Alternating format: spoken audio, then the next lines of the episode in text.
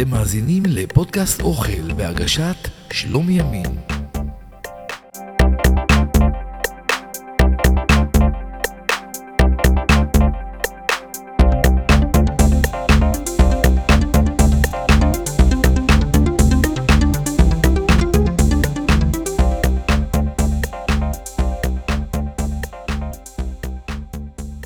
תמיד אחרי ארוחה טובה, בא לי משהו מתוק. אתם מכירים את זה, כן?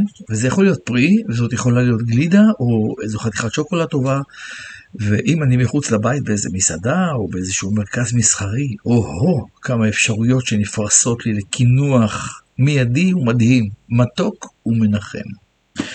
אהלן, אהלן, חברות וחברים. ברוכים הבאים לפודקאסט אוכל, לפרק 19, שעוסק, כמו ששמתם לב, בקינוחים. אחרי שאכלנו כל כך הרבה דברים טעימים ומזינים, הגיע הזמן שנקנח במשהו מתוק, ככה שנעשה לעצמנו איזושהי נחמה טובה. אז בואו נתחיל בפרק המתוק של היום. אני שלומי ימין ואתם מוזמנים להדק חגורות ולהישען לאחור כי אנחנו יוצאים למסע המתוק. קינוח או מנה אחרונה הוא בדרך כלל מנה מתוקה המוגשת בסופה של ארוחה, זה אנחנו יודעים. זאת ההגדרה היבשה לקינוח. ישנם מטבחים בהם לא נהוג לאכול קינוח, והמנה המתוקה נאכלת באמצע הארוחה, לדוגמה במטבח הסיני. אבל כל מה שקשור למטבחים במזרח הרחוק ובסביבה שלהם, על זה יהיה עוד פרק. כלומר, הפרק הפעם, הפרק הפעם של אה, הקינוחים, הוא פרק שמחולק לשני חלקים. ולמה? מכיוון שכשהתחלתי להתעסק עם הנושא של התחקיר, של הפרק, התחקיר על מתוקים, הגעתי פתאום למצב שאני יכול לדבר שעתיים ולא לסיים את הנושא הזה. ואז אמרתי, בואו נעשה חלוקה, פרק אחד יהיה 19, הנוכחי, יהיה על קינוחים בעולם המערבי, והפרק ה... השני, החלק השני שלו יהיה קינוחים בתאילנד, הודו, יפן, סין, כל האזור הזה של המזרח הרחוק והסביבות, ואני מבטיח לכם שזה יהיה הרבה יותר מעניין ועם הרבה יותר חומר ואפשרויות הבנה ולימוד. אז היום, היום אנחנו מדברים על הקינוחים בעולם המערבי. בקינוח, קינוח יכול להיות דבר, דבר מאפה מתוק, קרם מסוג כלשהו, פירות, גלידה וכיוצא באלה. לעתים, לעתים מקנחים גם בדבר מה מלוח, כמו פיצוחים או חטיפים אחרים, כאמור, ישנם גם קינוחים שהם משולבים עם טעם הלוח. עם השתכללות הקולינריה, הומצאו קינוחים רבים שאינם מתוקים דווקא, אלא חמוצים. לדוגמה, סורבי פירות או גלידת יוגורט וכל מיני נגזרות מטעמים שהם לאו דווקא מתוקים. אז מתי בעצם התחלנו לאכול, אנחנו, בני האדם, את הקינוח בסוף הארוחה? מקור המילה קינוח למעשה הוא בכלל צרפתי. המילה קינוח נגזרת מהמילה הצרפתית דזרביר, שמתורגמת, אני מקווה שאמרתי את זה נכון, שמתורגמת ללפנות את השולחן. השימוש הראשון בקינוחים היה לשטוף את טעם הלוואי של הארוחה הגדולה עם משהו מתוק. הגינונים הכתיבו החלפת מפיות ומפות לפני המנה האחרונה שהייתה בזמנו מנת פירות עדינה. ככל שהסוכר היה זמין יותר וקירור מכני הצליח לשמר את החמאה בטמפרטורה טובה, הקינוחים הפכו לנחלת הכלל והם השתדרגו בטעמים ועודם משתדרגים. אז זה ברור שבכל אזור מדינה בעולם יש סוגי קינוחים שונים ומשונים. ואנחנו נעבור על המדינות לפי הקינוחים.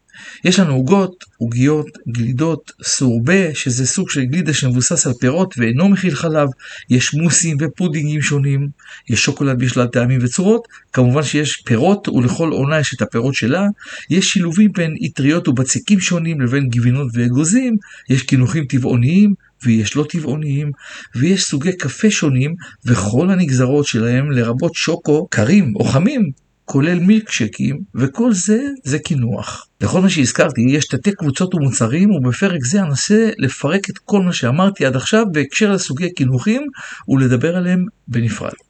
ונתחיל בצרפת.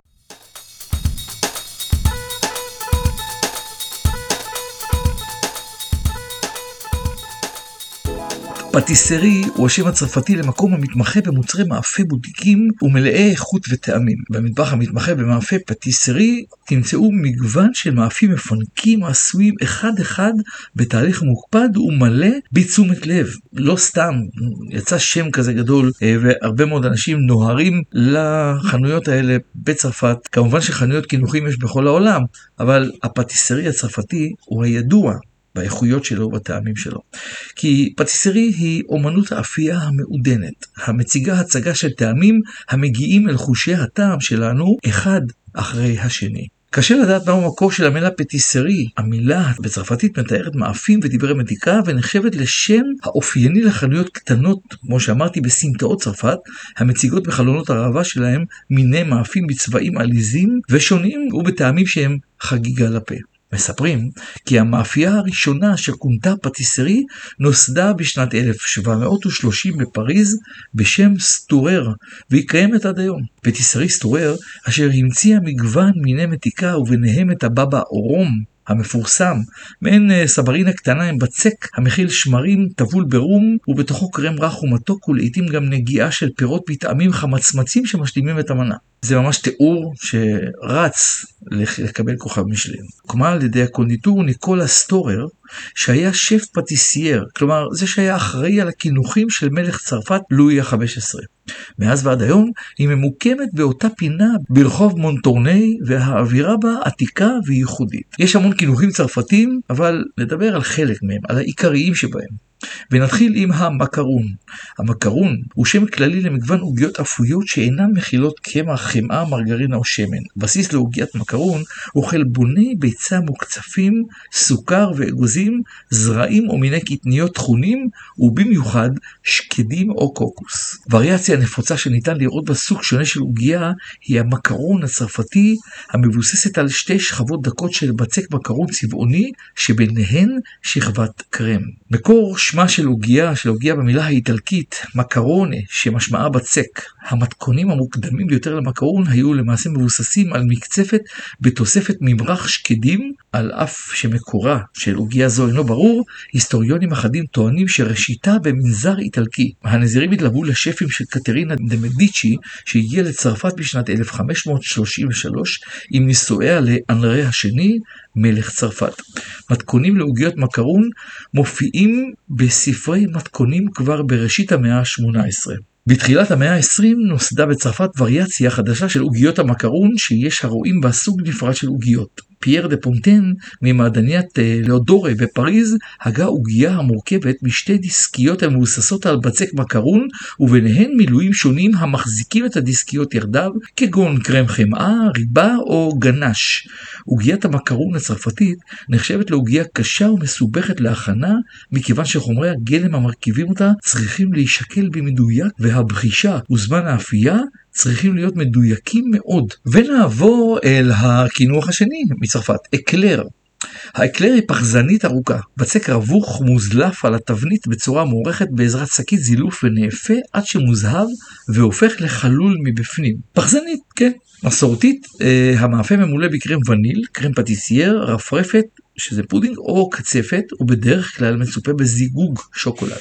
מילויים אחרים כוללים פודינג בטעם קפה ורום, מילויים בטעם פירות או מחית ערמונים. מעט ידוע על מקורו של האקלר, אבל ידוע שמקורו בצרפת של המאה ה-19. היסטוריוני מזון רבים סבורים כי האקלר הוכן לראשונה על ידי מארי אנטואנט קארם, שף מאפים מפורסם של בית המלוכה הצרפתי. לא, לא מארי אנטואנט ההיא שאתם מכירים. המתכון הנודע הראשון למאפה האקלר מופיע בספר מאת D. A. לינקולן שפורסם בשנת 1800 84, והוא נקרא Boston Cooking School Cookbook. פירוש המילה אקלר בצרפתית הוא ברק. מאמינים כי המאפה נקרא כך בגלל הצורה שבה הוא בוהק כשמצופה בזיגוג של קונדיטורים. הסבר נוסף אפשרי הוא שהשם מבוסס על פירוש המילה היוונית לעוגה. טראפל, הטראפל הם כמהוני שוקולד עם חמאת בוטנים. כמהוני שוקולד או טראפלים הם כדורי שוקולד עשירים שהומצאו בצרפת ונקראים על שם פטריית הכמהין בשם, בשל הדמיון החיצוני ביניהם. על שם פטריית הכמהין בשל הדמיון החיצוני ביניהם. הם ממש דומים לפטריות uh, כמהין, כי גם לא עושים אותם uh, עגולים מדויקים, אתם יודעים. האקדמיה ללשון העברית קראה לשוקולד בשם כמהון שוקולד. יש לאקדמיה כל מיני רעיונות, עקב הדמיון לפטריית הכמהה וגם בשל הטעם המתוק המעורר כמיהה. כן, למומחים של אה, האקדמיה ללשון העברית אה, פתרונים לכל מה שהם ממציאים. טרפלים העשויים משוקולד מומס מעורב עם שמנת מתוקה, גנש. לעיתים מוסיפים לתערובת חמאה או חלמונים להענקת מרקם קרמי וגם חומרי טעם שונים כגון ליקרים, קליפות תפוז או לימון, מחיות פרי או אגוזים שונים ותבלינים. אחרי שנותנים לתערובת להתקשות מעט, יוצרים ממנה כדורים, אותם אפשר להגיש כמו שהם, או לצפות אותם בקקאו, אבקת סוכר או קוקוס טחון, ויש שאף טובלים אותם בשוקולד מטומפרר, ולאחר מכן מצפים בקקאו. וזה חתיכת דבר. אני לא מכיר אנשים שלא אוהבים את זה. אוהבי שוקולד, כן? כי יש כאלה שלא אוהבים שוקולד. הם מעטים, ואני לא מקנא בהם, אבל כל אחד ואהבותיו הוא. מוס שוקולד הוא קינוח נוסף.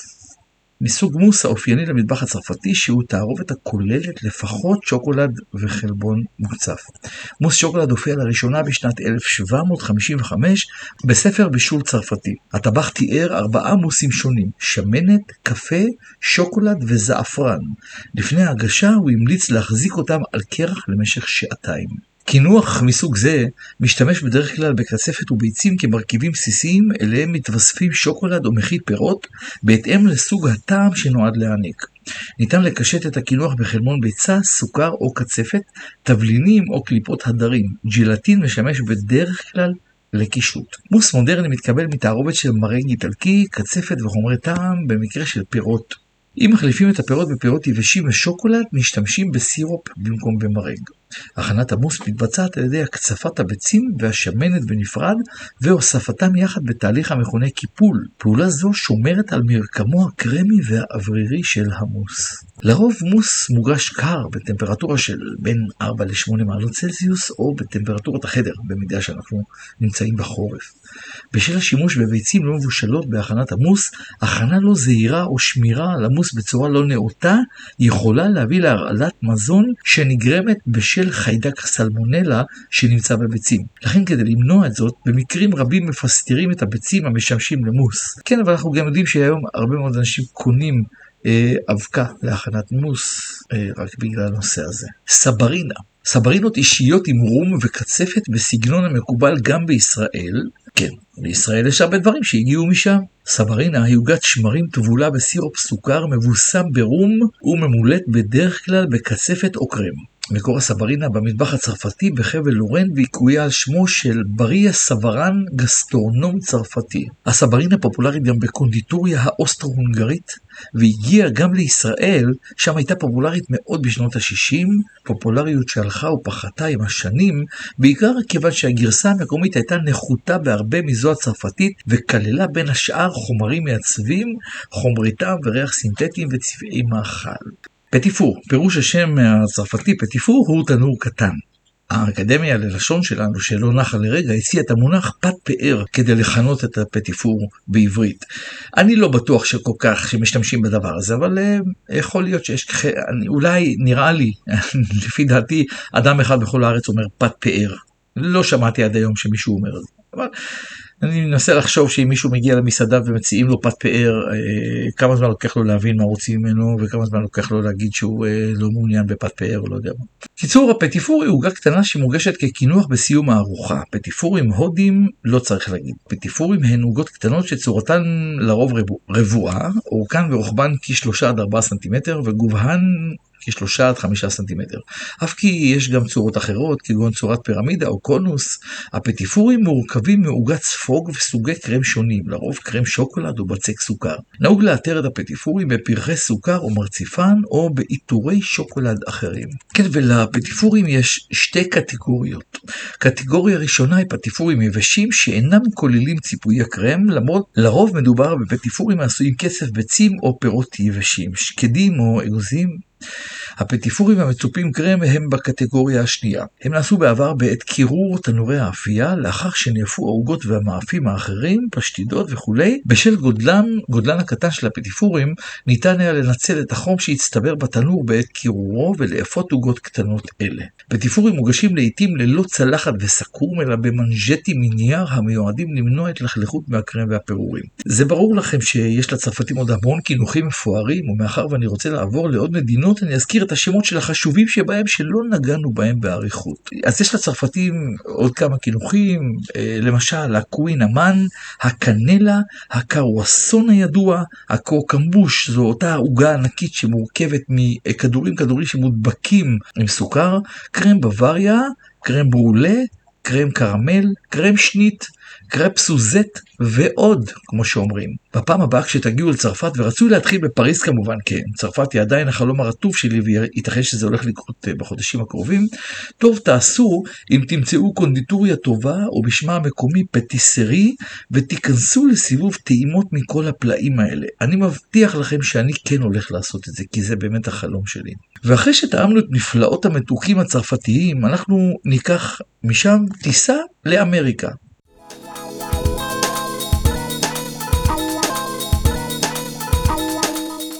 שם יש גם מסורת נאה של קינוחים. ונתחיל עם האמברוזיה או אמברוסיה. היא קינוח פופולרי במטבח האמריקאי. הקינוח כולל סלט פירות המכיל קצפת או שמנת מתוקה ולעיתים שמנת חמוצה או יוגורט. הסלט נקרא על שם מאכל האמברוזיה, מאכל האלים על פי המיתולוגיה היוונית. הפירות בהן נעשה לרוב שימוש בהכנת סלט הפירות הן אננס, מנדרינה וקוקוס, וכן נהוג להוסיף לסלט מרשמלו. לעיתים הסלט מכיל גם בננות, תותים ואגוזי פיקן מרוסקים. הסלט יוגש לאחר קירור במשך מספר שעות במקרר. כדי להתייצב. ההיסטוריה של הקינוח אה, מקורה בשלהי המאה ה-19 בארצות הברית. השימוש בקוקוס בבישול הפך פופולרי בארצות הברית בראשית המאה ה-20, אולם כבר בשנות ה-30 של המאה ה-19 המוצר היה נפוץ מאוד, קוקוס יבש, ולכן סלט פירות זה לא קדם לשנים אלה. סלט האמברוזיה הופיע בספר הבישול שהודפס בשנת 1877 במיניאפוליס, וכן בספר הבישול מזון בלתי מבושל מאת יוג'ין קריסטיאן משנת 1904, ובספר הבישול ספר הבישול הכללי מאת שרה פול משנת 1905. ספר הבישול מתכונים דרומיים ישנים מאת מרי פרטלו משנת 1930 מדגיש כי יש להשתמש בכמויות שוות של קוקוס קוקוס מגורד ופרוסות תפוזים, וכי אסור להשתמש בקוקוס משומר, זה מה שהיה כתוב שם. מתכון לסלט זה אף מופיע בספר הבישול היהודי מאת פלורנס קרייסלר גרינבאום משנת 1931. שמו של המאכל מופיע לראשונה בספר הבישול בישול לצד האש מאת ג'יימס בירד משנת 1949. בננה ספליט פירושו בננה חצויה, הוא קינוח עשוי גלידה המוגשת על בננה. קינוח זה מוגש בדרך כלל בכלי מוארך המכונה סירה, ומורכב מבננה החצויה לאורכה, בין החצאים מונחים כדורי גלידה בטעמים שוקולד, וניל ותות שדה. נהוג להוסיף רוטב אננס על גלידת הווניל, רוטב שוקולד על גלידת השוקולד, ורוטב תות על גלידת התות, וכן לקשט בבוטנים קצוצים, קצפת, ועליה דובדבנים מסוכרים. טעמי הגלידה עשויים להשתנות בהתאם למסורת מקומית. כך למשל בדרום אמריקה לעיתים מחליפים את גלידת הווניל בגלידה בטעם ריבת חלב, ובאוסטרליה מחליפים את כל שלושת הטעמים בזיגוג קרמל ואבקת סוכר.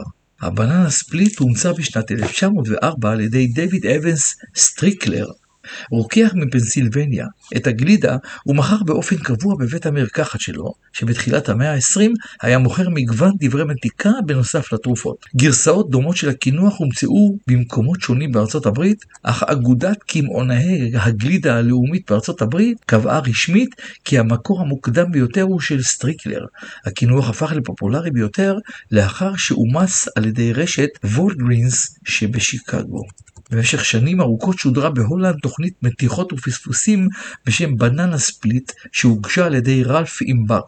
ועוד קינוח בשם חומיות או בראוניס כפי שאנחנו מכירים אותם. הן סוג של עוגיות שוקולד הקרויות על שם צבען החום. האזכור הראשון של עוגיות אלה מקורו בקטלוג רשת החנויות סירס בשנת 1897. העוגיות מהוות למעשה פרוסות ריבועיות שנחתכו מעוגת שוקולד נמוכה מאוד הממולאת לעיתים קרובות באגוזים ולפעמים בפצפוצי שוקולד או חמאת בוטנים. בלילת העוגה שמיכה מאוד בגלל כמויות קמח, שומן ושוקולד גדולות לעומת הביצים.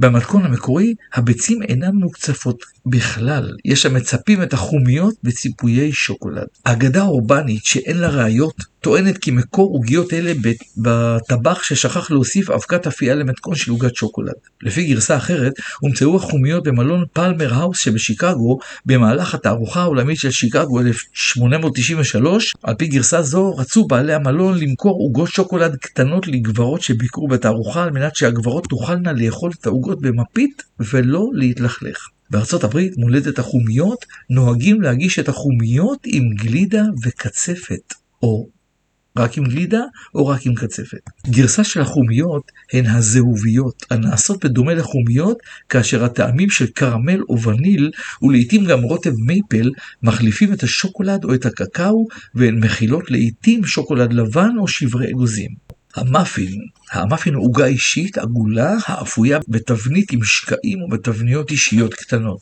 המאפין המקורי נוצר באנגליה בסביבות המאה ה-11. מאפין אנגלי הוא שטוח ומופק על ידי החמצת שמרים.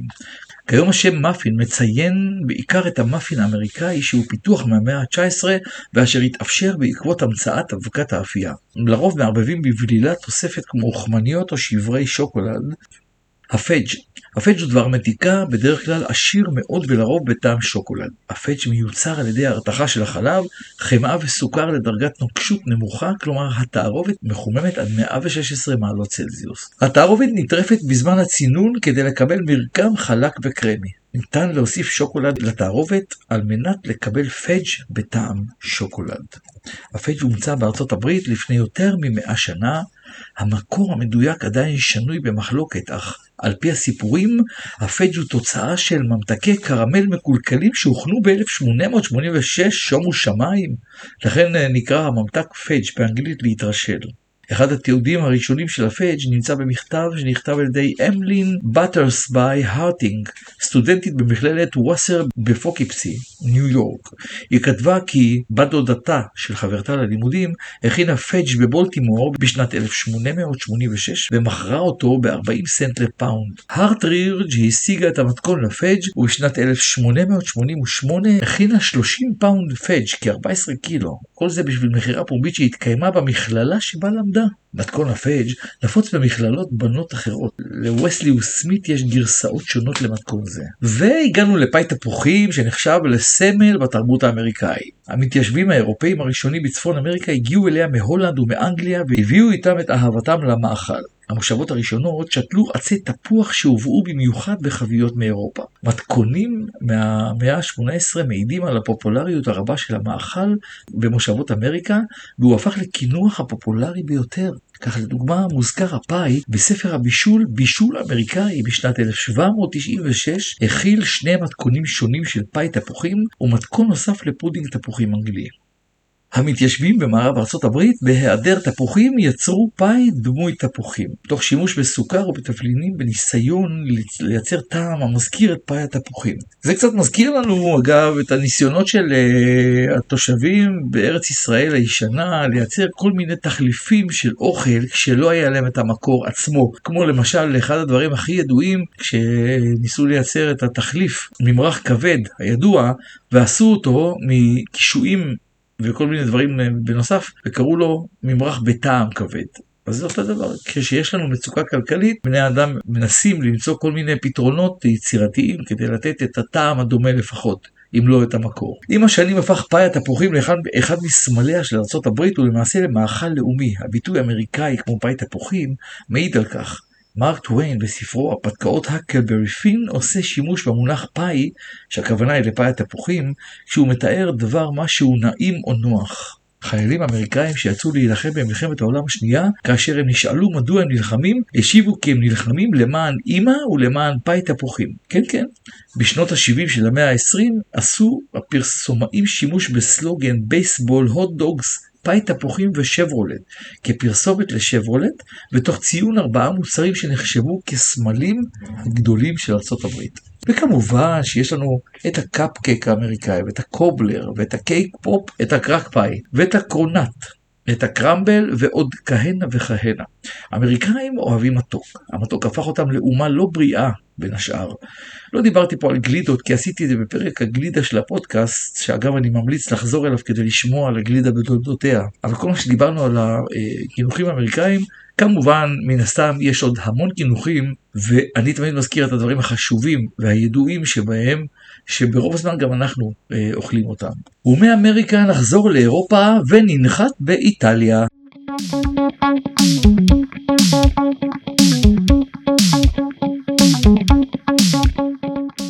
ובאיטליה יש לנו כמה קינוחים לא רעים בכלל. ביסקוטי, פירוש המילה ביסקוטי מלטינית זה נאפה פעמיים, ובצורת יחיד באיטלקית ביסקוטו. הידועות גם בשם קנטוצ'יני, הן, הן סוג של עוגיות איטלקיות המכילות אגוזים. מקורן של העוגיות בעיר פרטו שבטוסקנה. עוגיות הביסקוטי מוכנות על ידי הכנת עוגת אגוזים, בדרך כלל שקדים, פיסטוקים או צנוברים, פריסתה לפרוסות ואפייתה בשנית עד לייבוש הפרוסות. העוגה מכילה קמח, סוכר, ביצים, אבקת אפייה וטעמים שונים כגון אניס, שוקולד או אגוזים. האפייה הכפולה של העוגיות מאפשרת שמירתן לזמן רב ולכן נהגו להכין עוגיות אלה כצידה לדרך למסעות ארוכים. באזורי איטליה השונים התפתחו וריאציות של עוגיות אלה ואופן הטיבול שלהן שונה. בטוסקנה נהוג לאכול את העוגיות בליווי ווינסזנדו, שזה יין מקומי. עם התפשטות רשתות מכירת האספרסו בעולם המערבי ובפרט בארצות הברית בשנות ה-90 של המאה ה-20, החלו רשתות אלה להגיש ביסקוטי עם האספרסו, דבר שהביא לעליית הפופולריות של העוגיות. תירימיסו, תירימיסו באיטלקית הרם אותי למעלה, זה הפירוש שלו. הוא קינוח איטלקי מסורתי המורכב מקרם חלבי אוורירי וביסקוטים ספוגים בקפה. הקינוח יכול להיות מוגש כעוגה גדולה או במנות אישיות בכוסות. מקור התירמיסו הוא מאיטליה, ישנו ויכוח האם המקור הוא באזור ונטו או פריולי ונציה ג'וליה, שניהם מחוזות בצפון מזרח איטליה ושניהם נאבקים על מקורו של התירמיסו. התירמיסו הוא עוגת שכבות המורכבת מביסקוטים, אספרסו, גבינת מסקרפונה, קצף ביצים, סוכר ולעיתים יין מרסלה וליקר אמרטו. נהוג להרכיב את העוגה לסירוגין מן הביסקוטים הטבולים בליקר ובקפה ומן הקרם העשוי מן הביצים והגבינה. לאחר מכן נהוג לפזר קקאו מעל העוגה. את הקינוח מכינים ללא חימום כלל, ומרכיבים אותו בכלי בו מגישים. הקינוח המקורי של העוגה עבר אדפטציות שונות והותאם לסוגים רבים של עוגות וקינוחים אחרים.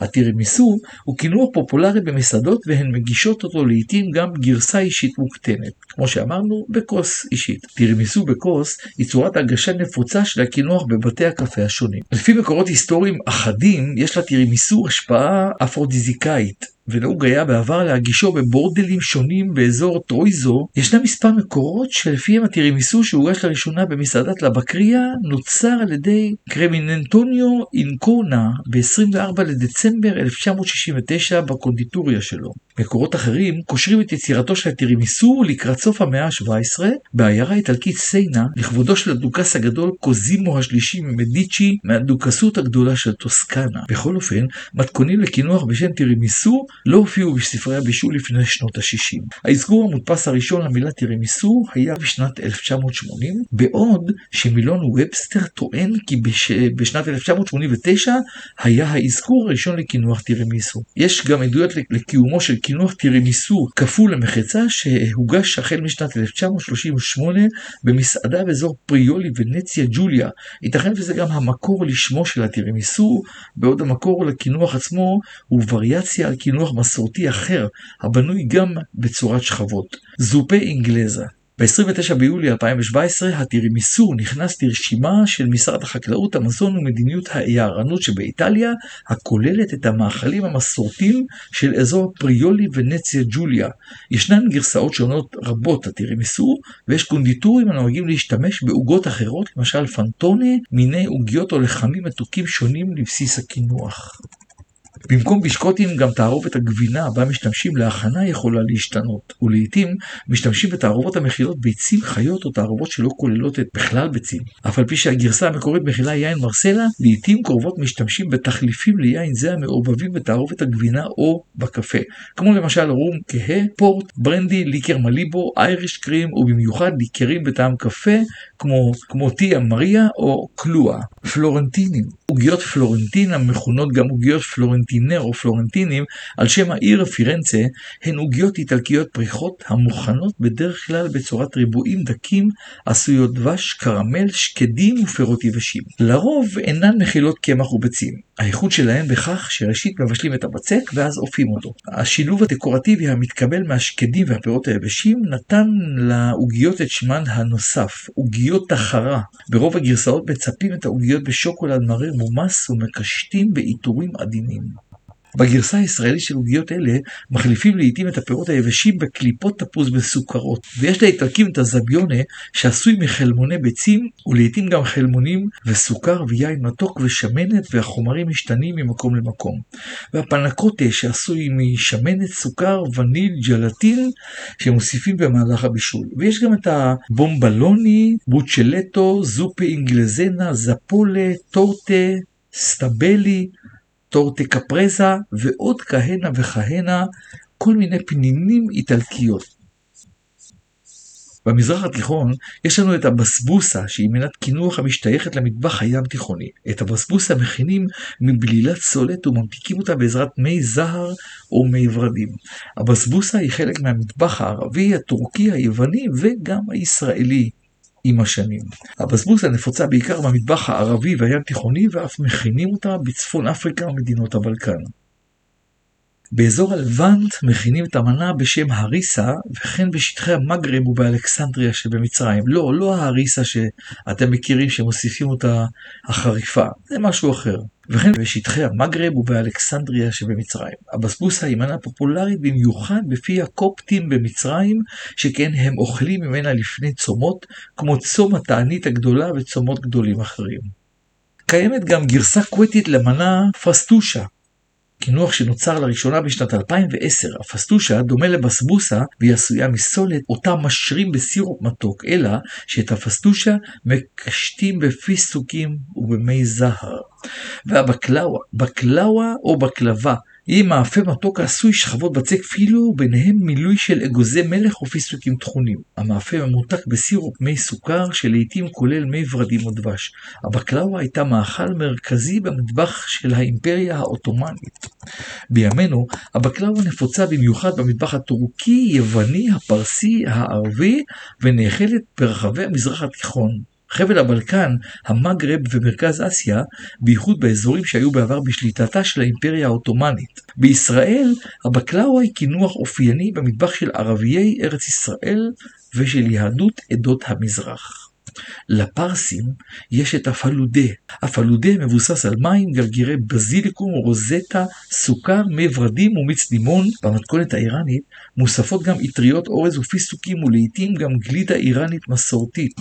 לאחר ערבוב החומרים מצונן המשקה, ואגב כך מעורבב עד אשר מתקבל המרקם האופייני, לעיתים נהוג להכין פלודה איראני עם שבבי תפוחים. רחת לוקום הוא ממתק עשוי עמילן, סוכר, מסטיקה טחונה עם ג'לטין או גלוקוז, הנפוץ בכל אזור המזרח התיכון, הבלקן ובחלקי, ובחלקי האימפריה העות'מאנית לשעבר. לרוב הממתק מתובל במי ורדים או בלימון, מצופה אבקת סוכר או עמילן תירס וחתוך לקוביות קטנות. אתם יכולים אה, לראות בשווקים הטורקים כמויות אינסופיות של רחת לוקום בחנויות בכל צבע וטעם כמעט. הרחת לוקו מתובל במי ורדים, המים צובעים את הממתק בצבע ורדרד.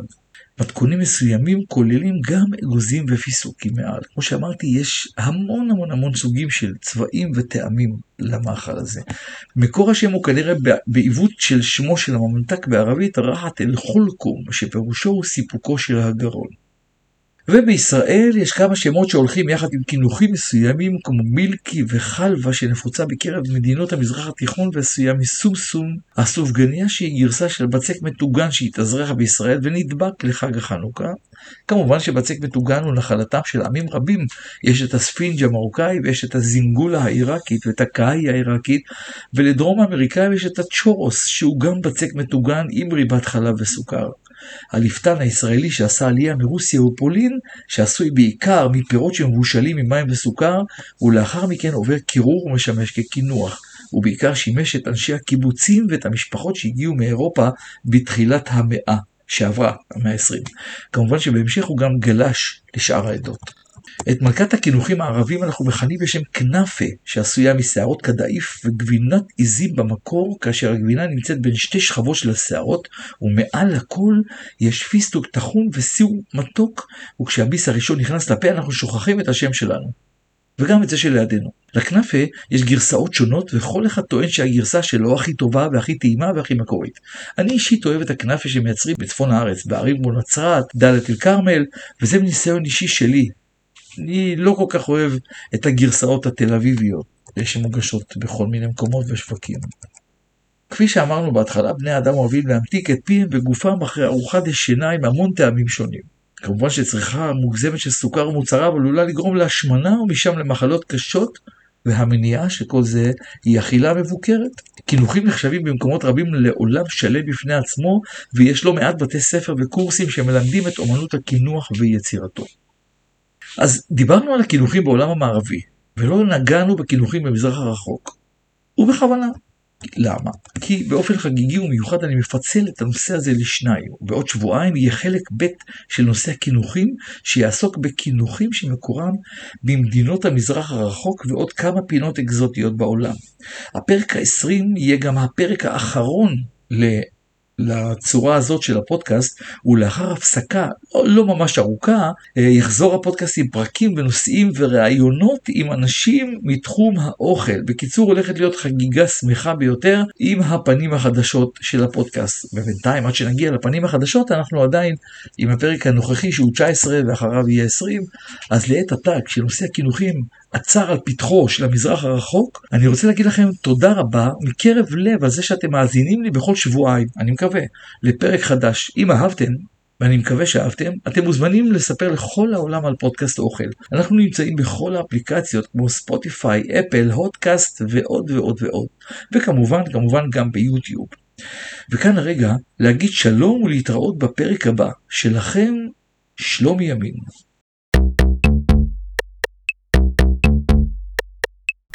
אתם מאזינים לפודקאסט אוכל בהגשת שלומי ימין.